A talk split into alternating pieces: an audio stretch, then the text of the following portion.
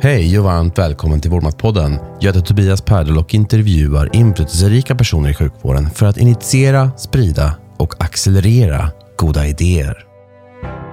Varmt välkomna till vårsäsongens första samtal och avsnitt 28 i ordningen. Vi gästas av Britt-Marie Arnell i Vårdmatpodden som är anhörigaktivist, journalist, entreprenör och styrelseproffs som fått stor uppmärksamhet för hennes berörande och slagfärdiga debattinlägg, bland annat om hur sjukvården är organiserad och hur svårt det är att som patient eller anhörig att få kontinuitet i vården.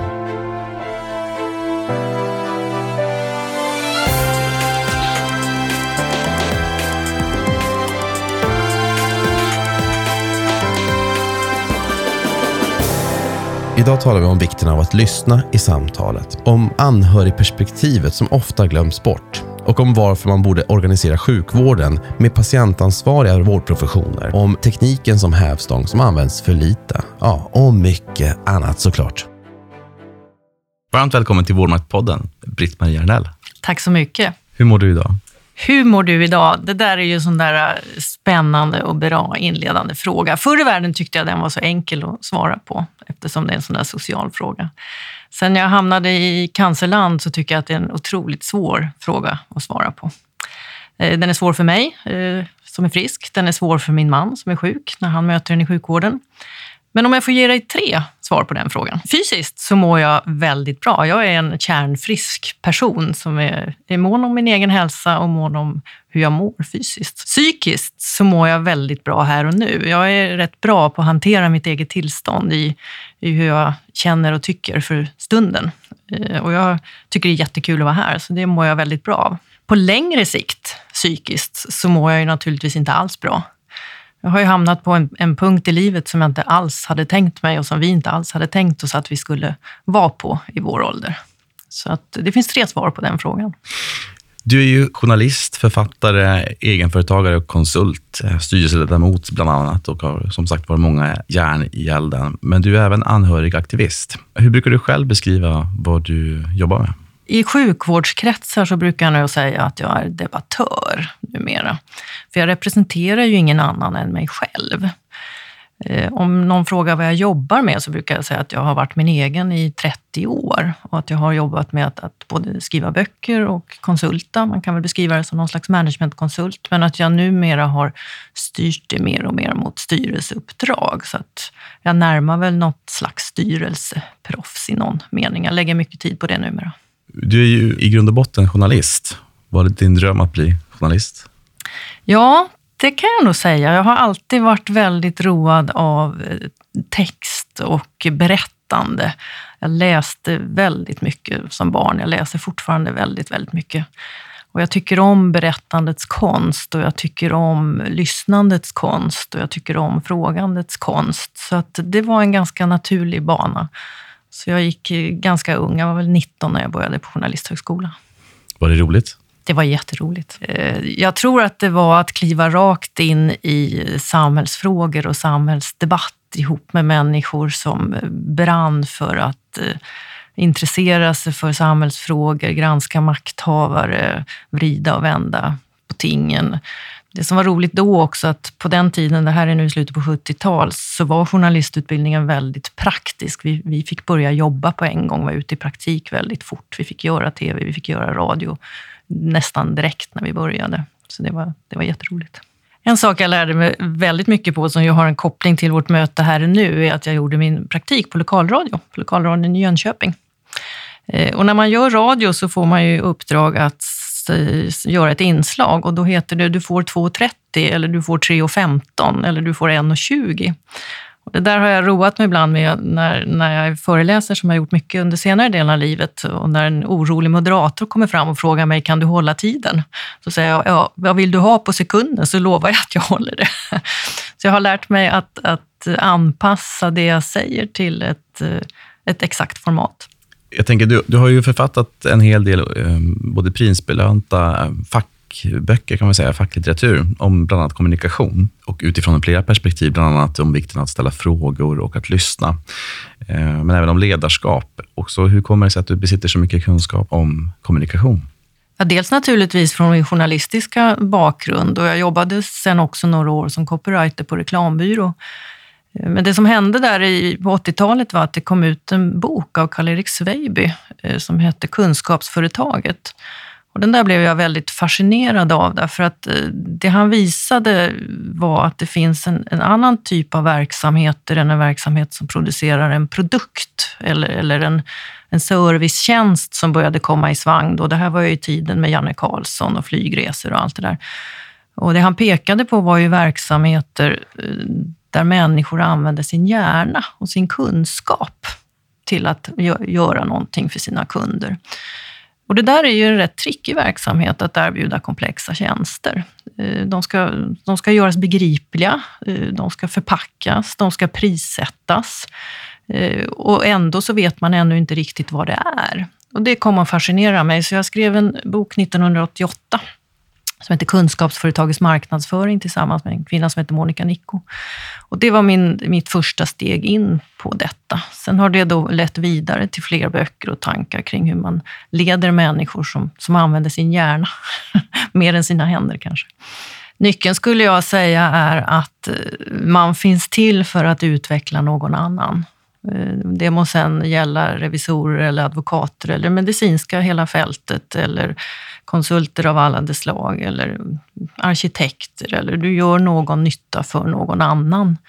Eh, och om du inte vet vart denne annan är på väg och vad den vill åstadkomma så har du ju näppeligen svårt att, då har du rimligt svårt att erbjuda någonting som passar in. Så det handlar om att lyssna först och prata sen. Jag råkar veta att du lyssnar på Vårdmatpodden. Mm. Eh, vilket jag är väldigt glad för. Eh, och Är det något samtal som du ehm, har uppskattat särskilt och i så fall varför? Ja, det är två Anders som jag har gillat väldigt mycket. Anders Lönnberg och Anders Ek, Ekholm för deras, eh, tycker jag, lite annorlunda analyser och deras förmåga att verkligen ta ett utifrån perspektiv och kika på en del saker. Eh, Peter Graf uppskattar jag mycket för hans vilja att också göra någonting och inte bara prata. Eh, och att han faktiskt har, har åstadkommit mycket uppe i Norrtälje. Och så måste man ju nästan alltid lyfta Sara Riggare för hennes ständiga uthållighet och nålstick i, i vårdens arsle. Så det tycker jag är lite roligt.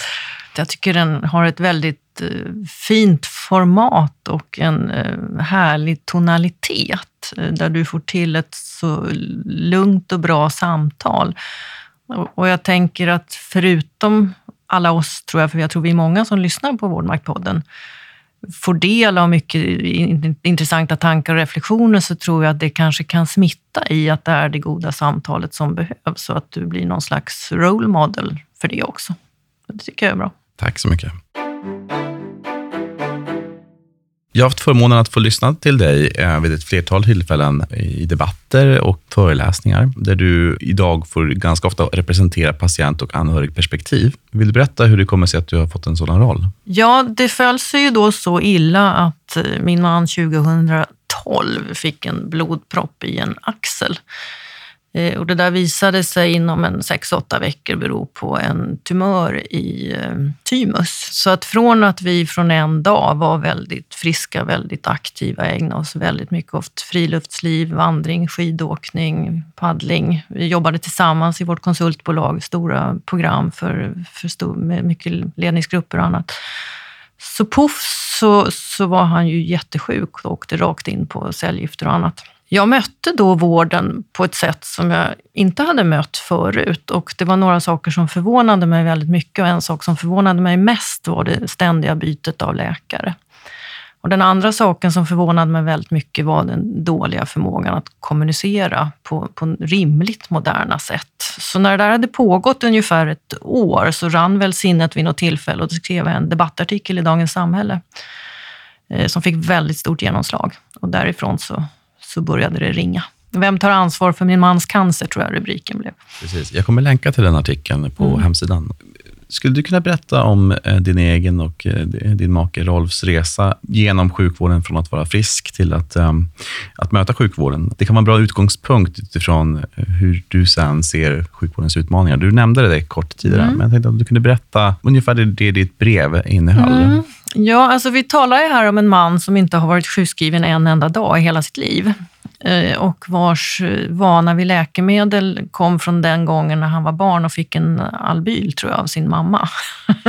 så bara så att vi har det som, som en referenspunkt.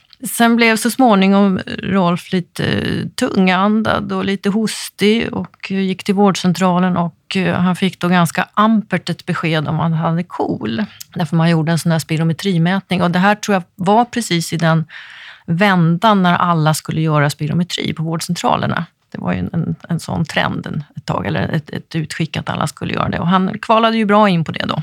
Och vi sa väl lite förvånat cool, men han har väl inte rökt eller sådär. Nej, men det kan man ha ändå. Och han kanske har feströkt. Jo, han har väl kanske feströkt. Så han tog lite astmamediciner ett, ett par år och de lättade ju något på trycket, för det visade sig sen då vara en, en tumör i thymus som tryckte på själva strupen kan man säga, så han fick svårt att andas. Tumören visade sig sen bara pang genom att den gick in i blodkärl i axeln så att han fick en propp i vänster arm. Och då var det rakt in på akuten då på en gång. Eh, i, ett antal steg och ett antal gånger. Först löste man ju upp proppen och sen började man mer leta efter orsaken och hittade tumören då. Så att det tog väl någon månad eller två så var vi igång med cellgiftbehandling på, på Karolinska. Och då hade ju tumören redan vuxit så mycket och spritt sig så mycket så att det var för sent att operera, för sent att stråla. Och sen satte det igång då en lång period av cellgifter. Så att vi har ju hört till onkologen på Radiumhemmet sen dess. Då. Om man eh, utgår från, från den resan som ni gjorde, så vet jag att ni tidigt möttes av den här eh, man kan säga det, silostrukturen där man inte ser sig själv ha ansvar för patienten, utan det är någon annan mm. som har ansvar. Vill du berätta lite grann om, om hur det var? Ja, det, det, blev ju olika läkare vid alla olika möten och jag tänkte lite naivt att här håller man nog på att leta nu efter den som kan mest om den här ganska ovanliga cancerformen som, som Rolf har. Eh, och så tredje, fjärde någonting så fick vi en läkare som var, verkade väldigt, väldigt kunnig och då sa jag vad bra, vad roligt och, och då, då är du Rolfs läkare nu. Då tittade han väldigt förvånad på oss och sa att nej, nej, så jobbar vi inte här. Det, det behövs inte. Vi, vi använder inte fasta läkare för att allt om Rolf finns i journalen, så att det behövs inte. Och det gjorde mig väldigt, väldigt förundrad att, att kontinuiteten på något sätt var delegerad till journalen. Eh, och det där fortsatte ju sen en tid och det, och det som händer då är ju i teorin så ska ju läkaren naturligtvis vara påläst och allt det där innan man kommer in, men, men du vet ju också hur det ser ut på en, på en mottagning. Läkaren är ju redan försenad och har ju inte hunnit. Så I praktiken blir ju första halvan av mötet med en ny läkare att den när någon försöker ta sig igenom journalen. Och, och det, det, vet ju alla att en journal är ju inte lättläst. Så att det blir ett väldigt bläddrande och fram och tillbaka och börja om på noll varje gång. Eh, och har man dessutom då en, en, en, cancerform som de flesta aldrig någonsin har mött så blev det ju lite hopplöst alltihopa till slut. Så det var därför jag skrev mitt öppna brev bland annat. Vill du beskriva din egen relation till vården som anhörig idag? Som anhörig får man ju en ganska svag relation till vården skulle jag säga. Därför att vården vänder sig alltid till patienten. Eh, och jag tror att det finns skäl till det, att man säkert förr i världen pratade mycket med anhöriga över patienters huvud. Idag skulle jag väl nästan säga att det har vridits åt andra hållet, att man pratar enbart med patienten. Jag tror att det gick säkert fyra år innan någon ställde frågan till mig, hur, hur tycker du att, att Rolfs tillstånd har utvecklats sen vi såg sist? Eh, så jag känner mig ganska ofta, i varje fall i början, så, som, som någon som lite onödigt var med i rummet. Med tiden och med de allt eh, mer fasta läkarkontakter vi har lyckats få så har det naturligtvis ändrats. Och nu känner jag mig mer som en, som en del av, av ett gäng runt Rolf, så att säga. Men det tog lite tid. Du berättade lite grann om det tidigare, men du är mån om att må bra fysiskt och att eh, själv göra det du kan för att orka med. Mm. Eh, jag tror ju otroligt mycket på eh, den fysiska rörelsen. Jag har alltid motionerat mycket, sportat mycket, ägnat mig åt eh, mycket kul eh, idrottsaktiviteter och mycket skidor och mycket långfärdsskridskor, paddlat mycket. Jag kombinerar gärna det med naturen, för det tror jag också är ett, ett ställe där vi mår väldigt bra. Jag tillbringar mycket tid på långa promenader i skogen och gärna väldigt mycket lång, längdskidor. Gillar hav och vatten, tillbringar mycket tid i, i skärgården jag är mån om hur jag äter. Och det tredje tillägget är ju då det här mentala, att hantera sitt eget tillstånd. Jag tror ju att vi kan träna den förmågan. Det, det ska jag absolut inte säga att jag lyckas med alltid, för vi lever i en väldigt svår situation. Men, men att man i någon mening också kan, kan välja sitt tillstånd här och nu och hitta tekniker för att bryta när det blir jobbigt. Du brukar beskriva vårdpersonal som änglar på mm. individnivå. Mm. Vad får det att använda ordet änglar? Eh, därför att jag tycker att hela debatten många gånger landar fel i när man säger att det är en fråga om bemötande. Jag tycker att vi 99 gånger av 100 upplever ett väldigt, väldigt fint bemötande i sjukvården. Självklart det finns rötägg, men det finns i alla branscher. Det finns de som är stressade här och nu. Det finns i alla branscher. Jag tycker att alla vi har mött gör sitt absolut bästa i stort sett alltid, varje gång. Eh, men för mig handlar det inte bara om bemötande här och nu. Jag brukar säga att det, det, kan inte vara så att alla har ansvar i ögonblicket, men ingen har ansvar för helheten. Eh, och jag har varit väldigt noga med att, att det är inte någon sjukvårdspersons fel, tror jag, som vi har mött, att det är så här. Jag tycker att vi, vi är nog till lika offer i systemet på bägge sidor många gånger. Vi kan ju också se att att den här läkaren eller sjuksköterskan som förtvivlat bläddrar i journalen inte heller tycker att det här är så roligt alla gånger. I dagens sjukvård så eh, betraktas och omnämns eh, sjuka människor eh, som komponenter i en industri vars produktion levereras till kunden som en beställarenhet. Vad är dina tankar om det? Det där är ju nästan en älsklingsfråga. Får jag utveckla den lite? Eh, jag var ju med då på 80-90-tal i de här eh, områdena kring avancerade tjänster, tjänstemarknadsföring. Och det som hände på 90-talet i de branscherna var ju att man allt mer började prata om kunden och individen. Det som i vården nu kallas personcentrering har ju hetat kundorientering i alla andra branscher sedan säkert 20-30 år tillbaka. Och på 90-talet gick man ju så långt till att man började prata om, om individen till och med. Eh, vi hade Janne Karlsson, Riv pyramiderna, Vänd på pyramiderna. Det är den som möter kunder ute som ska sitta på, på avgörandet så att säga. Det fanns en, en, en, bok i USA som kom ut som heter One-to-One Marketing som också gjordes en svensk variant av en professor vid Stockholms universitet.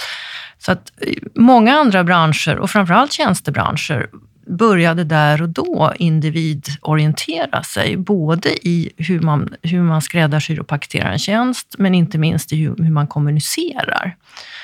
Eh, och det har vi ju tagit del av allihopa, att vi får mer och mer skräddarsydda erbjudanden. Man kan ju ta Spotify som ett exempel. Jag kan nu göra min egen musiklista istället för att få den, den, den produkt av tio låtar som en producent tyckte att jag skulle ha.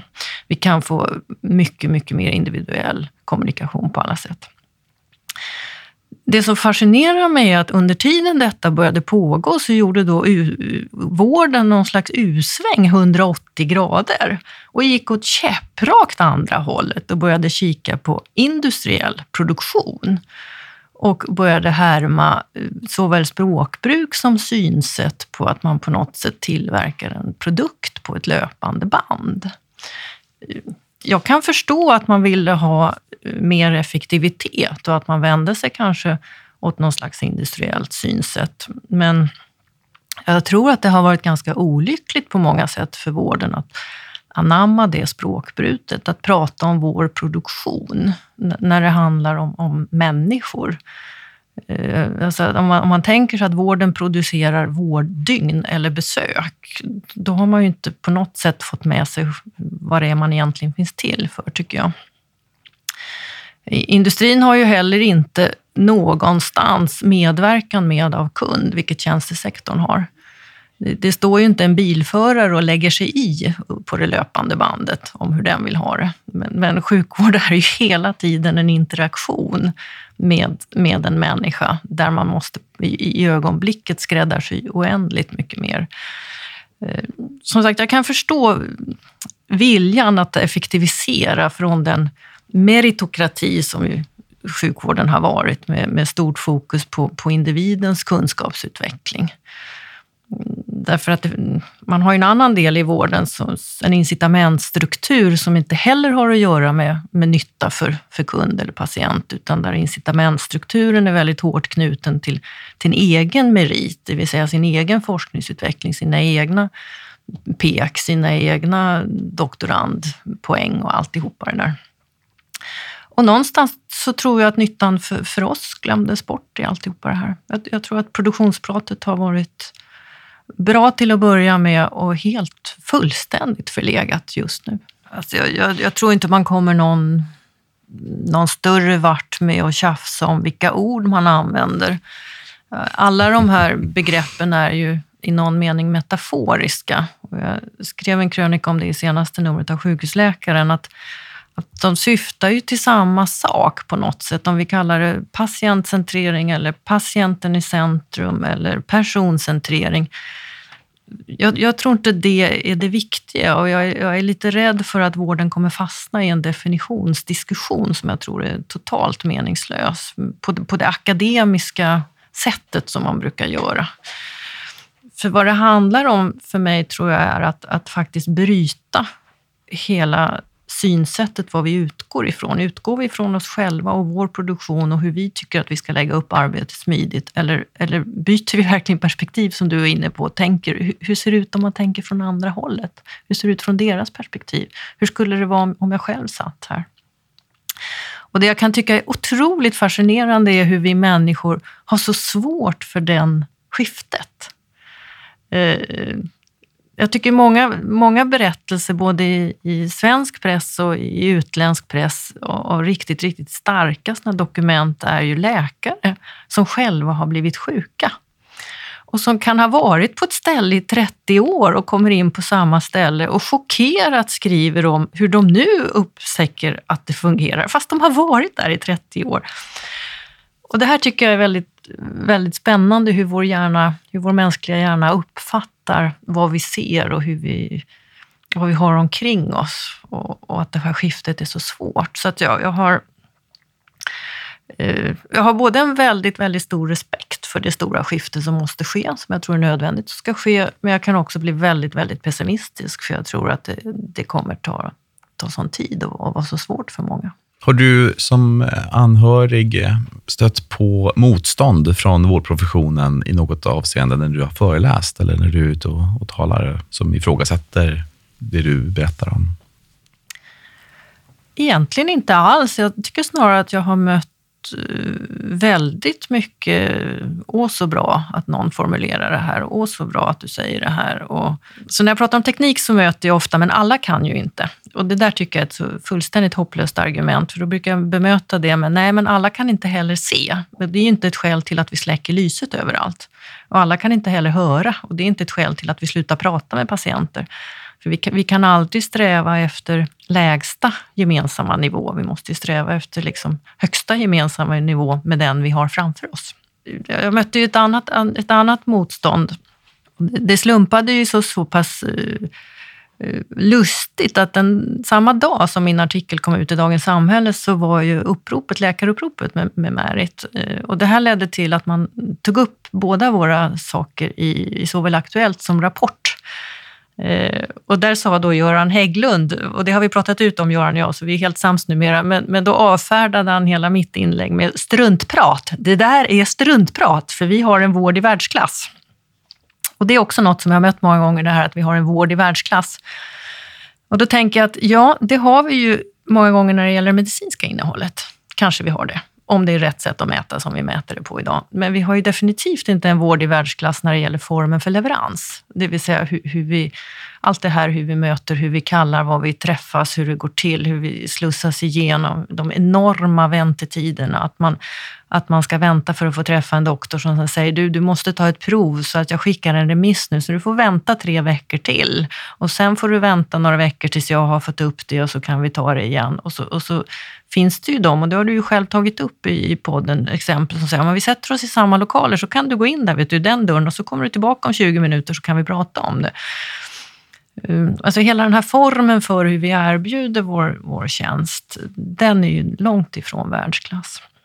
Ja, du, du, har ju bland annat skrivit det, eh, att eh, utifrån ditt perspektiv att vi behöver gå från ett tänkande i plural till ett tänkande i singular att, eh, att skifta liksom det här, återigen, one shoe fits all till, mm. till, till dig som individ. Mm. Vad tror du är nyckeln för att åstadkomma det? Jag tror att nyckeln eh, på många sätt... Alltså det, det, jag ska säga att det är kultur och teknik och riktlinjer kanske. Om vi börjar med, med riktlinjer så, så uppfattar jag att vården har blivit allt mer styrd av, av nationella program och nationella riktlinjer och att, att läkare många gånger slår in ett antal värden och så plopp så ploppar det ut någonting som man ska göra och då ska man ha den medicinen. Då tänker jag ibland att jag hade kunnat träffa en dator istället. Då. Eh, vad, vad, blir det för läkarroll om det bara är att följa en checklista och sen få ut ett svar? Eh, och där tror jag att, att läkarkåren måste värna sin integritet och kunskap om att också se den individ man har framför sig. Därför, därför att det finns ju också svansar på normalkurvorna. Och de är rätt viktiga tror jag. Det är kanske vi svansar som många gånger kommer till vården, vad vet jag. Eh, med, med tekniken så menar jag att, att jag tror att tekniken kommer både att ge möjligheter att, att möta oss individuellt. Vill, vill du ha ett brev eller vill du ha det på e-post? E- eller ska vi ses på något annat ställe, du och jag? Tekniken kommer göra det möjligt att göra mycket mer avancerade analyser av var och ens sjukdom också, som, som gör att man kanske inte platsar i de där riktlinjerna helt och hållet tekniken kommer också göra det mer och mer möjligt, tror jag, till det som blir mer då personalized medicine. Det vill säga eh, dos, dosanpassning, mixning, specialtillverkade läkemedel. Eh, och, och då är det ju inte forskning vi har hittat det på, utan då blir det ju med hjälp av big data och artificiell intelligens och annat. Jag, jag tror det kommer hända jättemycket. Eh, om vi, om vi tar det som ett, ett konkret exempel för, för, min man, istället för att gå in i då gamla, gamla, gamla studier om, om hans grupp som har den här cancern, så kanske man hittar en patient i Australien förra året som hade just hans profil med den hormonkänsligheten och, där hade, ja, och som också var i hans ålder och så vidare. Och så vidare. Och så blir det på något sätt enpersonsmajoriteten kan också ha rätt. Och det är ett uttryck som jag själv gillar väldigt mycket och jag, jag tror att det var Anders Lönnberg som sa det, att, att, för oss individer är det ju binärt. Funkar eller funkar inte. Det är ointressant för mig om, om en, en, behandling funkar för en grupp, om det inte funkar för mig. Ja, det där tror jag är ett riktigt, riktigt stort skifte.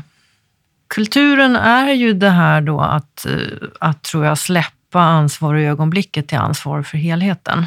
Jag är inte förespråkare för kontinuitet i alla lägen. Ibland är det många som tror det. Ja, men alla kan ju inte ha, det är inte bra med kontinuitet för alla. Nej, det tror inte jag heller. Jag har inget behov av kontinuitet om, om jag snubblar här utanför när jag går härifrån och behöver en, en hjälp med en vrickad fot eller ett brutet knä eller någonting. Det är inte viktigt, utan det är ju för oss kroniker som kontinuiteten är viktig.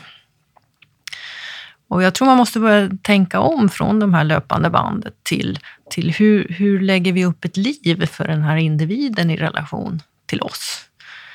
Eh, och nu kommer vi väl in så småningom på mer utmaningar, men jag tror att en, en enorm utmaning är att ställa om från ett akuttänk, där vi alltid behandlas som akut här och nu, till, till ett kroniker en kronisk uppkoppling brukar jag kalla det. jag tänker att vi, vi, på något sätt är, många av oss kommer vara kroniska abonnenter till sjukvården och hur byggs då det här abonnemanget upp? Vad innehåller det här abonnemanget liksom i form av, av tillgänglighet och i form av tjänster och i form av uppföljning och i form av checkpoints och så vidare.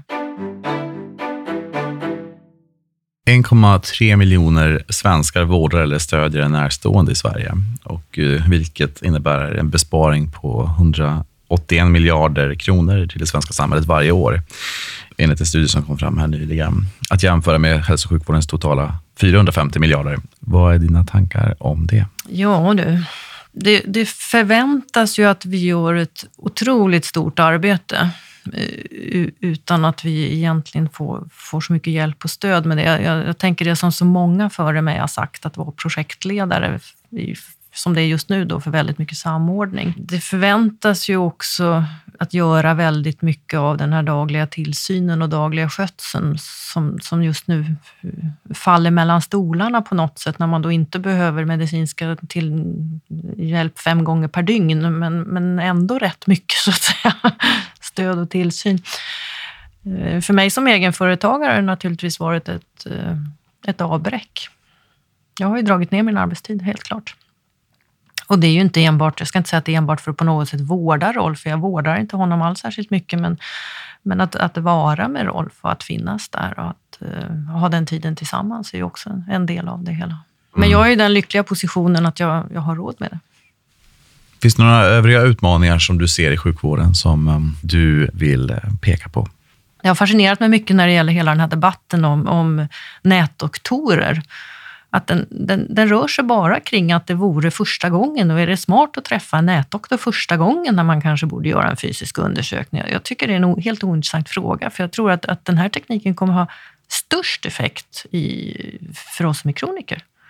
Och så väljer vi naturligtvis om vi ska ses, om det är bra att ses, eller om vi kan ta det på ett sms, eller om vi behöver koppla upp oss med någon typ av, av videolänk på något sätt, eller om vi ska göra på något ytterligare sätt som vi ännu inte vet. Eh, och jag kan bli förvånad över den här akademiseringen av de där frågorna. Jag har ett treårigt barnbarn, han fyller snart fyra. Eh, och han heter Anton. Anton och jag kan alldeles utmärkt göra upp ihop huruvida det är lämpligt att vi träffas, om vi hinner det nu, eh, och om det funkar den här helgen eller inte, eller om jag ska jobba eller om han ska till dagis, eller om vi ska ta det via plattan istället. Och det där kan vi göra upp och resonera om, han och jag. Och då tänker jag, men om man kan göra det med ett treårigt barnbarn, varför skulle jag inte kunna göra det med, med vården och min doktor? När är det lämpligt att vi ses fysiskt? När är det lämpligt att vi inte ses? Kan vi göra det på annat sätt. Så det där tycker jag är spännande. Eh, sen har vi ju naturligtvis hela ersättningsfrågan som ju många har lyft i, i det här rummet, men som jag tycker ofta är en elefant i rummet. För det är ju den som styr väldigt mycket av det här. Det, det, det, tog ju inte lång tid att upptäcka att vi är tvungna att åka in till sjukhuset därför att annars är det någon doktor som inte får ersättning om inte vi är där. Och det är det som är skälet till att man inte kan ringa eller, eller koppla upp sig. Och det där är ju fullständigt huvudlöst. Och det finns ju många sådana exempel som har, som har nämnts här, hur, hur pengarna styr. Och, och, där måste man ju sätta några rejält begåvade människor på att börja tänka om. Jag brukar säga det också, jag har jobbat med eh, tjänstesektorn och många kommersiella, affärsmässiga tjänstesektorer eh, i nästan hela mitt liv. Men jag tror inte jag har mött någon som är så fixerad vid att sprida ut ansvaret för pengarna som sjukvården är i så, på sån detaljnivå. Så att varje medarbetare får veta och får skäll i varje sekund för vad de gör och inte gör. Och, och där sättet man träffas eller pratar med varandra ersätts med kronor hit och kronor dit. Alltså det, det där har blivit galet på många sätt tror jag. Och jag har mött det många gånger också, apropå vad jag kan möta när jag föreläser, så kommer fram läkare och säger att, att det har vi inte incitament för. Eh, och det tycker jag är en ganska sorglig, för att inte säga rent av korrupt eh, dragning som har blivit i, i hela kåren. Att, att man, en, en, medarbetare börjar tänka på sitt enskilda mm, ekonomiska incitament. Eh, alltså det är knappt så att jag möter ens i kommersiella verksamhet så hårt som det har blivit i vården. Jag vill vittna om att, att det händer med regelbundenhet att man stöter på eh, kollegor och andra vårdpersonal som inte vill ta ansvar på grund av att det uppstår kostnader i, i och med att man tar ett ansvar som man inte är beredd och vill ta. Eh, så det handlar mer om det än om mm. ersättningen. Ja, och det har jag respekt för. Att det är kostnadsstyrning mm. snarare mm. Eh, som, som driver det här. Mm. Men, men där har vi ju också då alltså en suboptimering, att, att jag får en stor kostnad nu, så det kan jag inte ta. Men, men vi måste ju börja titta på ekonomi i, i något större sjok än jag här och nu. Och jag kan ge ett konkret exempel. Jag tjatade länge och det tog flera år innan vi fick eh, rejält mer noggranna analyser av Rolfs tumör. Så att han var igenom fem tror jag, olika sorters cellgift som inte gav någon effekt alls innan det så småningom då efter tjat blev mer analyserat och en, en bättre anpassad cytostatika. Och det var säkert dyrt det här som gjordes, de testerna. Men, men, under tiden hade det ju gått kanske tre, fyra år med ett antal inläggningar och akut och vårddygn och, och strul och sjukhusbesök och det ena och det andra. Så att, mm, hur smart var det ekonomiskt kan jag tänka, när man hade gjort det från början. Så utifrån ditt perspektiv och anhörigperspektiv, vad ser du är lösningarna för sjukvården? Vad, vad skulle du vilja att sjukvården eh, gjorde för att möta dig och Rolf bättre? Ja, en, en, sak tror jag är att uh, man på så många ställen. Nu har jag ju varit i debatten i fem år och kan ju slås av att ungefär samma personer säger samma sak fem år senare. Att, att det, det känns som det står mycket på stället marsch. Och jag tror att ett skäl till det är att man pratar just om hela vården. Vad är vårdens lösningar? Eh, jag vet inte så många andra områden där man pratar om, om hela branscher. Vad är trafikens lösningar? Och så pratar vi om all trafik överallt, alltid. Liksom. Så att ett sätt tror jag är att, att eh, återföra mycket mer innovationskraft eh, lokalt och ge utrymme till det. En sak som förvånar mig just nu till exempel är det här, om vi går tillbaka till patientansvarig läkare, att, att Läkarförbundet säger att 94 procent av läkarkåren är för det. Men uppenbarligen kan man inte göra någonting. Och det fascinerar mig väldigt mycket förrän det kommer en lag. Så att, så att nu pekar man ju uppåt och säger att det behövs en lag. Och, och, och det, det, förundrar mig att inte läkare på alla ställen var de nu befinner sig säger ja men nu är hela kåren för det här. Då börjar vi väl här. Om du tar Eriksson, Tobias, så tar jag Karlsson. Och så kan du ta Svensson och så tar jag Nilsson. Och, och så börjar vi lite försiktigt liksom här och nu och se vad, vad kan vi göra? Hur kan vi gå liksom några steg framåt? Så det, det är väl en sak att börja mycket mer lokalt. En annan lösning som jag tror är, är att det blir en, en, lösning väldigt mycket under galgen. Jag tänker att en bransch som är så genomreglerad som vårdsektorn är, med så mycket lagar och regler och policies och riktlinjer och instruktioner och gränsdragningar och hierarkier har rätt dålig förmåga att förändra sig själv. Jag tror att den kommer bli som i många andra branscher som vi har sett, att det är utifrån som väldigt mycket kommer att ske. Eh, med uppstickare, med teknikbolag, små teknikbolag men även de stora. Eh, alltså här har vi ju jättar som Google och Apple och IBM och andra som, som kommer med saker som vi inte har en idé om idag. Och, och, vi kan ju ta nätdoktorerna som ett exempel. Det, det, hade väl inte varit svårt att koppla upp sig på en skärm för hur länge sedan som helst. Men, men först när det blev en rejäl konkurrens så, så lossnade det på något sätt nu i, i både ja, Västra Götaland, läste vi om häromdagen. SLL håller på att lossna. Så att lösningarna tror jag kommer bli till viss del frampiskade och jag tycker igen, då är vi tillbaka till den enskilda människan i vården, änglarna i vården eh, vill ju ofta göra saker, men, men så fort, man försöker, fort de försöker ta ett steg åt något håll så är det, det går inte för att. Ehm, så, att, så att branschen har ju på något sätt eh, sönderreglerat sig på något vis. Eh, kanske har vi samma, samma vi kan se i att skolan har svårt att lyfta sig, att polisen har svårt att lyfta sig. Alltså vi, vi har haft så mycket ambitioner och god vilja med styrningen så att nu har det blivit låsning istället för styrning på många håll. Eh, sen har vi den andra delen av det där och det är ju en hel kår som är tränad i att aldrig göra någonting utan evidens blir ju naturligtvis inte särskilt snabbfotad. Och vad menar jag med det då? Jo, då menar jag att, att, att jag har den största respekt för evidens när det gäller eh, vilken typ av cytostatika man ska spruta i min älskade make. Där, där har jag ingen lust att någon säger du har inte provat det här med bikarbonat som vi har läst om på nätet. Det har jag ingen lust med.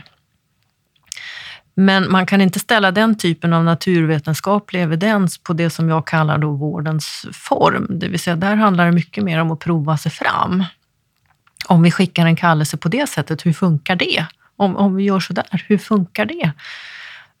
Därför att väldigt mycket av det påverkar inte det medicinska innehållet på det sättet, men, men däremot kanske upplevelsen av tillgänglighet och, och omhändertagande, som jag brukar kalla det då, och relation. Eh, och det blir ju på något sätt huvudlöst att försöka få fram evidensbaserad innovation, vilket vi just nu tror jag försöker i vården. Det är en paradox som heter duga. Nej, um, ett annat ord på det, eh, på det är väl att um, verksamhetsutveckling, um, det är klart man ska följa evidens och bidra till det, men, men det går ju inte att innovera om, eh, alltså det går ju inte att innovera Eh, utan att ta steg utanför evidensen. Nej, det är per exakt. definition. Det är per liksom. definition omöjligt. Um, och uh, det går inte heller att göra en studie på precis allt som Nej. ska ut, verksamhetsutvecklas. Ja. Sen tror jag att det handlar väldigt mycket om att man, att man nationellt bestämmer sig för vilka saker som är gemensamma. Eh, och, och dit kan höra till exempel tekniska plattformar, som jag tror det, det, är bara helt nödvändigt att vi kommer till gemensamma tekniska plattformar. Det är helt nödvändigt att vi kommer till Eh, sådana saker som läkemedelslistor och annat, att alla kan använda det. Eh, det finns vissa gemensamma saker i form av ersättningssystem och styrning som också måste vara gemensamma. Och därutöver må det väl vara fritt att göra på andra sätt och pröva nya sätt. Ehm, jag kan ju bli väldigt förvånad över eh, att, att det har hänt så lite. I mitt första äktenskap, min första man, mina barns far är läkare.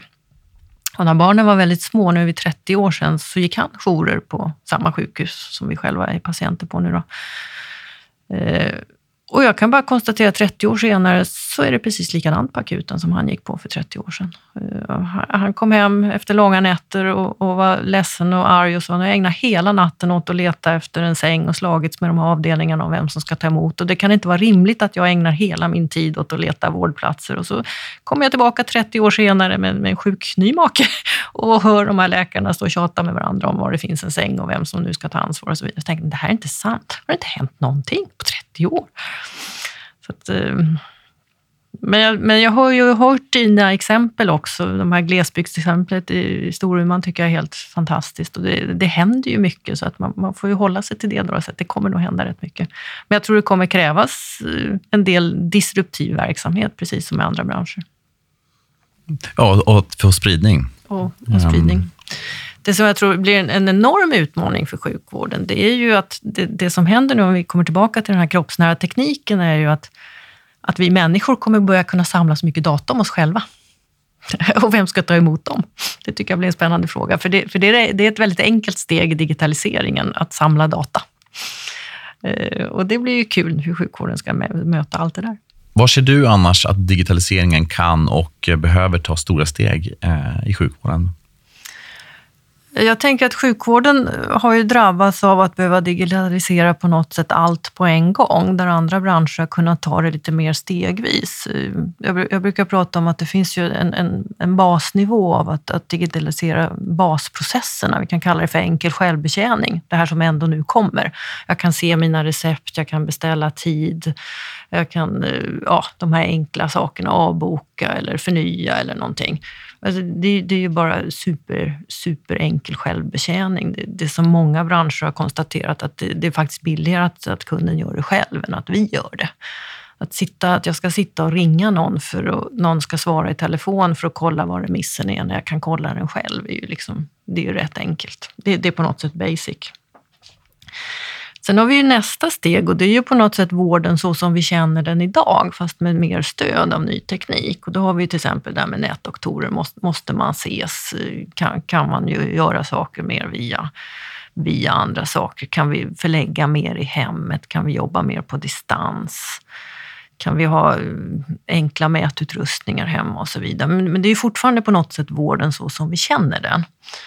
Eh, och, och där sker ju jättemycket just nu. Eh, men samtidigt så kommer ju också det tredje steget som ju är vården så som vi inte känner den. Det vill säga när, när tekniken går in i helt nya saker, där du nämnde till exempel det med DNA-analyser. Eh, där vi har liksom ja, ett, ett, ett, helt nytt sätt att göra saker och ting. Personalized medicine, big data, referenser i andra världsdelar. Vi kan jobba globalt på nya sätt. Och, och andra branscher har ju liksom kunnat tuffa på ett steg i taget med de här. De, de är ju helt klara med den här enkla självbetjäningen. Och vården måste ta allt det här på en gång. Så det, det är ju ett rejält arbete att göra. Jag tänkte ta lite avrundningsfrågor. Mm. Vad vet du om sjukvården som du tycker att andra borde känna till? Ja, då, då skulle jag vilja byta spår faktiskt eh, till läkemedel och säga något i stil med att, att eh, det som har varit en rätt otäck upplevelse för oss har varit att, att så många av dagens mediciner är så otroligt grovkalibriga och har så mycket biverkningar. Inte minst när man är sjuk och svag, för då blir de ju värre. Så att, så att när man är kroniker och svårt sjuk länge så blir läkemedel ett av de riktigt stora problem man har. Det tror jag inte många känner till. Där, tror jag, där har vi ett helt ämne som vi inte har pratat om, men som jag tror också kommer behöva diskuteras mer, hur, hur vi förhåller oss till, till kunskap om läkemedel och biverkningar av läkemedel. Och, eh, man, man, pratar ju väldigt ofta om, om att, att, vi patienter har så dålig compliance. Det är ju fel på, fel på patienten och fel på anhöriga då, som inte ser till. Men, men jag tror att, att, att, där är elefanten i rummet, att de flesta mår ganska dåligt av många läkemedel. Och därför man slutar. Så, så det tror jag inte många känner till. Det finns beskrivet ganska tydligt att eh, någonstans i storleksordningen av alla läkemedel vi skriver ut i sjukvården så är det en tredjedel som inte tas ut.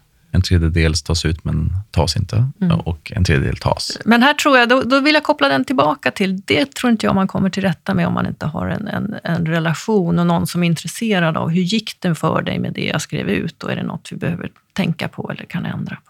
När blev du senast förvånad över något i sjukvården?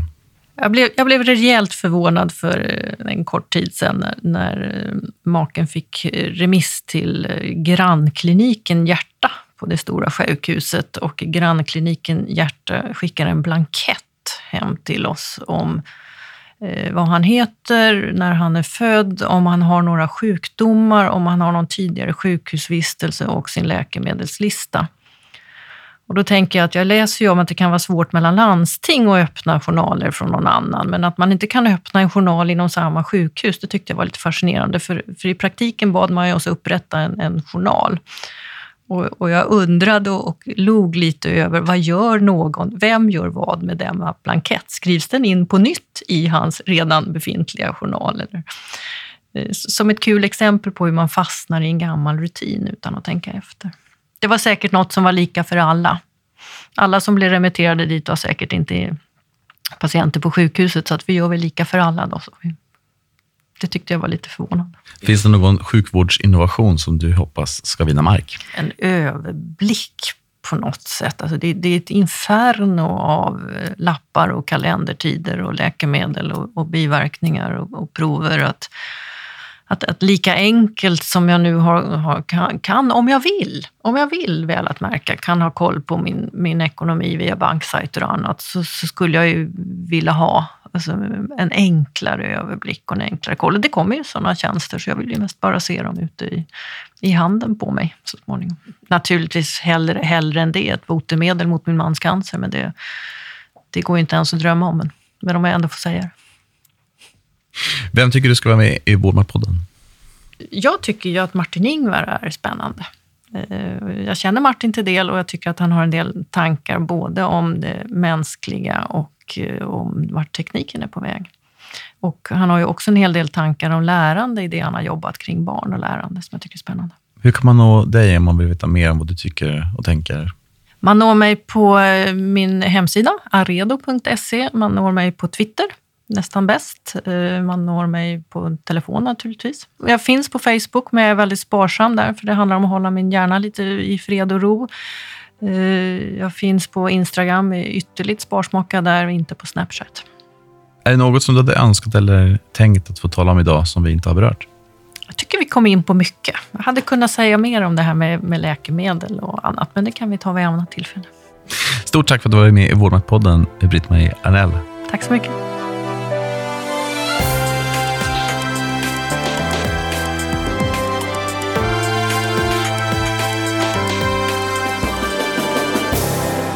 Jag hoppas att du finner samtalet med Britt-Marie Arnell tankeväckande, så dela gärna med dig om vad du tycker och tänker på Dagens Medicin, Vårdmatpoddens Facebook-sida på Twitter eller LinkedIn där Vårdmatpodden finns. I nästa avsnitt så talar jag med några representanter från uppropet Utan tystnadsplikt och jag hoppas du vill lyssna på oss då. För det börjar med ett samtal, sen är det upp till dig och mig